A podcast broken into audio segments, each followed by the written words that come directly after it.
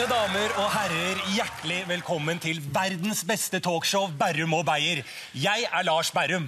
Og jeg er Martin Beyer-Olsen. I kveld så kan jeg ikke si annet enn at vi har et fantastisk show til dere. Vi får besøk av Bikkjemann. Det svenske popfenomenet Benk kommer. Og jeg har prøvd å ri. Ja, Sånn hørte det, hørtes det ut eh, da det var premiere på det nye komishowet Bærum og Beyer på NRK3. Et program som vil bli sendt seks uker fremover. Dagbladets anmelder var alt annet enn imponert og ga programmet terningkast én. Og det provoserte Anders Holstad Lillend, eh, humoranmelder i Adresseavisa.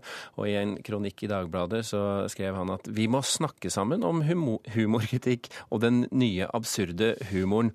Anders Holstad Lillend med oss på linje fra Trondheim. Hva er det i Dagbladets anmeldelse du reagerer på? Nei, Det jeg reagerer på, er at hun møter humoren på feil premisser. Den alternative komikken eh, må på en måte møtes slik som den modernistiske kunsten eh, eh, Man måtte da lære folk til å møte henne på, på, sin tid. Altså, den kan ikke bare møtes, Dette er ikke humor som bare handler om observasjon, om overraskelser, om å forstå poengene ganske fort. Her er det referanser, her er det et nytt språk, her er det nye virkemidler. Eh, virkemidler, ja, eh, som vi eh, må møte og knekke. Vi må nærlese det, sånn som vi nærleser litteratur og andre kunstarter. Ja, Hva var det ved denne kritikken fra, fra skribenten i Dagbladet du mener var feil, da?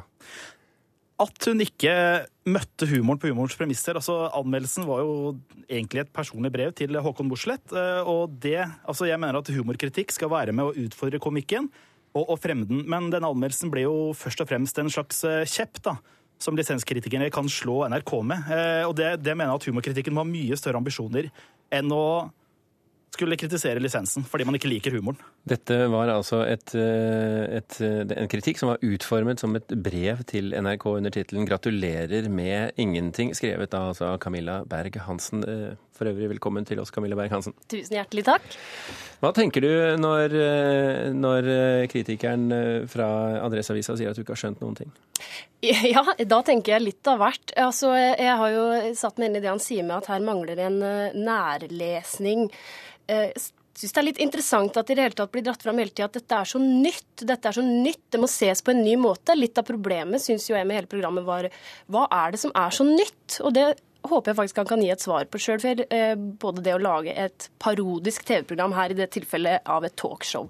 Veldig tydelig at det skulle være en parodi på typisk talkshow hvor vertene kommer inn, bruker lang tid på å fortelle alle hvor gøy dette er. Det brukte de veldig lang tid på. Og, og det, for det å ha en gjest, i dette tilfellet Adolf Hitler f.eks., som får lov til å komme inn, snakke om bare det han vil. Akkurat en typisk Skavlan-situasjon. Forsto det var en parodi. Jeg forstår også at veldig mye av det som har blitt sagt skal være så nytt her, er absurdisme.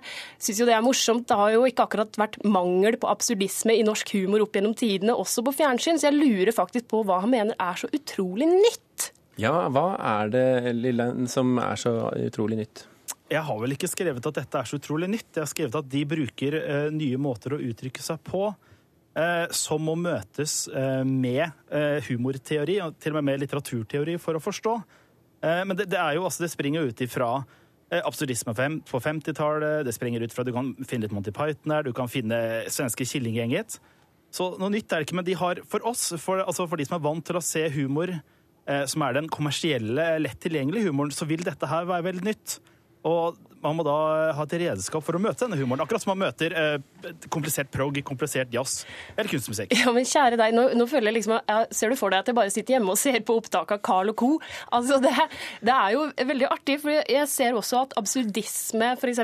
kan være noe nytt hvis det er i en improscene på et teater osv. Men igjen, det de la fram i det programmet, i de to episodene jeg har sett, med forbehold om det, der var det rett og slett eh, Du etterlyser en slags nærlesning, og da sier du annet at Og nå sier du det blir som litterære referanser eller referanser til kunst, å gå inn i og se på det. Men det har jeg jo gjort. Og ingenting av det nærleser da jeg også ser referansene, f.eks. som jeg sa nå til Skavlan.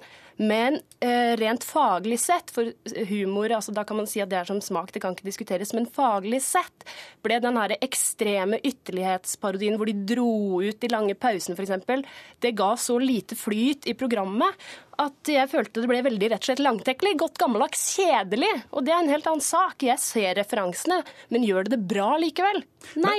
Men, men det er jo interessant, for du sier jo flyt, altså det ødelegger flyten. Og det er jo også hele poenget med programmet. Og man kan ta for eksempel eh, en sketsj om pølsemakersketsjen, da. eh, Som er eh, Du skrev det er en sketsj som er to år gammel, det er helt riktig, men her var det en ny Den var tolka så nytt eller gjort den litt. Ja. Den, ideelt sett så burde den åpna hele programmet for å kunne vært et brudd med den gamle revyhumoren og den gamle revytradisjonen. Det er jeg enig i. De, men de valgte da å plassere den senere nettopp for å være en brudd på denne flowen. Og det er et interessant grep, selv om ideelt sett så burde det nok ha vært helt først. Ja, men jeg syns det er morsomt at fordi om de tar det du sier, nye grep, så må man kunne stoppe opp, sette seg ned og si omtrent som han ungen i eventyret. ikke sant? Han har jo ikke klær på. Var det morsomt? Var det liksom gøy? Tilførte det noe nytt? Å harselere med form, det er greit nok, og de gjorde det. Det tok jeg. Men det varte og rakk, så kom det ikke noe mer, da. De de tok, tok ikke tilførte noe av dybde utover det. Syns ikke rett og slett at vi kan sitte i 2014 og si at det her tilførte noe så nyskapende at det bør, at det bør bli så mye blest rundt det. Men to, to poenger om det. Første poeng er at du nevner f.eks.